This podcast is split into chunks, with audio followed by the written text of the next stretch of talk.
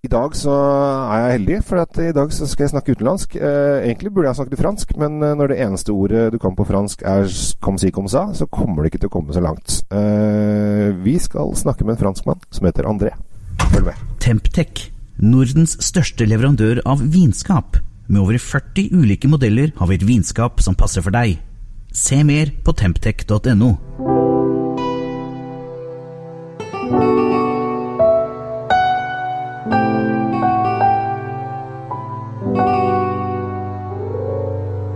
Hei, hjertelig velkommen til uh, Kjell Svinkjeller. I dag er jeg så heldig å få tak i en uh, franskmann som vi nordmenn blir mer og mer glad i.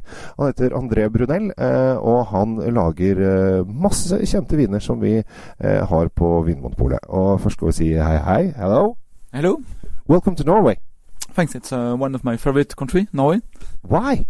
Because you you drink so many wines from Côte d'Ivoire, so it's you, you are my major customers for about ten years. Oh, why, why think Norway is uh, so uh, happy about Côtes du Rhône? Uh, because I think that you sometimes it's quite dark and quite cold in Norway, so I think that you need uh, wines with uh, some concentration, uh, with some depth, and I think Côte could be easy wines for every day with nice fruit, thanks to the Grenache grape. I think that's why you enjoy wines from Côte. They are easy to drink, easy to understand, and you can pair them for many occasions for barbecue, pizza, for every occasion you can drink a very nice Côte uh, we Norwegians are really into bag in boxes, and you have uh, three, two reds and uh, one white. Uh, is that uh, why do you think that Norwegians are into bag in boxes? Um, because of the cabin thing. so I think my I, I was always concerned that it's quite easy for you to go to the cabin and put one or two bag in box at the rear of the car. Yeah. So it's much easier to carry the bag in box compared to carry a case of uh, a case of wines. And it's um, it's very nice, very easy also to keep your bag in box open for three to four weeks. You can do it with a bottle of wine. Um, so I think it's uh, and you have three liters to drink, so it's much better when it's uh, cold outside. so. But uh, do you uh, make bag in boxes for other countries? No, we only make bag in box for for Norway. It's uh, it's the only country where we make bag in box, uh, and it's very interesting for us because when we make the harvest, um, after two to three months the work is finished, and thanks to the bag in box we have work every year. We have to make new new blends, so it's very interesting for us to make the best blend three or four times per year especially for the Norwegian market. But do you have to think differently when you produce the wine when you make a bag and box in compared to a bottle? Uh, no, I think it's uh, we we um, think about making the best blend we can, and then if it's uh, put in bottle or put in bag and box, it's the same. The objective for us is to make a good profile for the objective of the wine, and after that, it's not different if it's a bottle or a bag and box. Yeah. But of course, you had the Chateauneuf-du-Pape yeah, we we own these vines for about 250 years. Bag in box is nice, but Chateauneuf-du-Pape is also nice. So, uh, will uh, uh, Chateauneuf-du-Pape ever go on the bag in box? You think? Um, it's not allowed by the appellation, so I don't think that we can make one day Chateauneuf-du-Pape in uh, in bag in box. But I think the bottle of Chateauneuf-du-Pape is so nice. I think it's nice to preserve this uh, this nice marketing tool. But uh, when you make a bottle of Chateauneuf-du-Pape, what are your ideas? What what what's your goal for making the wine? Um, Chateauneuf-du-Pape, the, the estate Les Cailloux exists for 80 years, so now we have our own identity. Uh, that means we don't want to make the most powerful or the most massive Chateauneuf-du-Pape you can find. Uh, we try to make a Chateauneuf-du-Pape which is elegant, complex.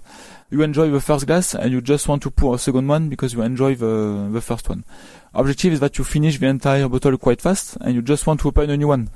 it's our main objective for, for the Chateauneuf. So you have to buy a lot of Chateauneuf-du-Papes during a dinner? Of course, I think uh, if you're two, you have to drink at least five or six bottles. so it's, uh, it's but you you also make a white one. Yeah, uh, white we um, white is quite rare in Chateauneuf. Uh, it's only five percent of the production. Uh, that's why many people think uh, Chateauneuf is only red, but no, it's also it's also white. Um, so we produce 5,000 bottles, which is quite a small uh, production. But it's the favorite wine of my dad, because my granddad always told him he will never manage to make a good white in Chateauneuf. And as a good peasant he's a bit stubborn, he decided to make a good white in Chateauneuf. So I think he spends half of his time in this wine to be, in this wine to be sure the white will be nice. So it's uh, 80% Roussanne, which is quite rare also. We are only four or five producers to produce our white with a high proportion of Roussanne, uh, 20% Grenache Blanc, and no oak, because we want to preserve the acidity, the freshness, and that's why we prefer to use concrete uh, instead of using oak. How long have your family produced wine? Uh, eight generations. The first uh, letter we have dates back to 1750, uh, where my great great great granddad purchased vines from the Bishop of Avignon. So we are making wine for eight generations, and the estate was created by my granddad uh, just after World War II. So you will see that you should be pretty good at making wines after eight generation, generations. Uh, we can still improve. We improve every every vintage because we make mistakes every vintage. So we try not to make the same mistakes uh, the, vin- the next vintage. So we can improve. Uh, technique is improving, and due to nature, it's not an industrial process. We have to do with what the nature gives gives us. So we have to adapt every year to the vintage weather conditions. So every year it's a new discovery. But after global warming now, things are looking brighter for you. uh, yeah, they're looking bright, but they, they shouldn't be brighter uh, because now we start having higher high temperatures, like 40 degrees in July, so it can become a bit dangerous. It didn't rain for about six months, so I think the vines suffer. So it's nice for the concentration, but it could be bad also for the acidity. So it, the global warming it was nice until now, but now if it could stop, it could be it could be nice also for the for the appellation. Så da, folkens, da har vi lært det. Uh, de gjør det kjempebra om dagen pga. litt global warming. Vi har så veldig mye mer av det. Uh, André Brunell lager kjempekule bangboxer. Én hvit, to rød og litt Cotteron. Og så selvfølgelig Chateauneuf de. Thank you so much for having time to talk to me. Thanks, and uh, I love you, Norwegians. So keep so keep drinking Codion. Da fikk han litt frieri på slutten også. Kjell Gabriel Henrik signing off. Ha en uh, riktig fin dag. Drikk riktig, og ikke minst drikk deilig fransk vin. Gjerne rød og hvit. Hvit Chateauneuf folkens. Det har du nå å prøve i helgen. Ha det bra!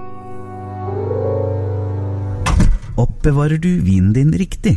Med et vinskap fra Temptec lagrer du vinen i korrekt og stabil temperatur. Se mer på temptec.no.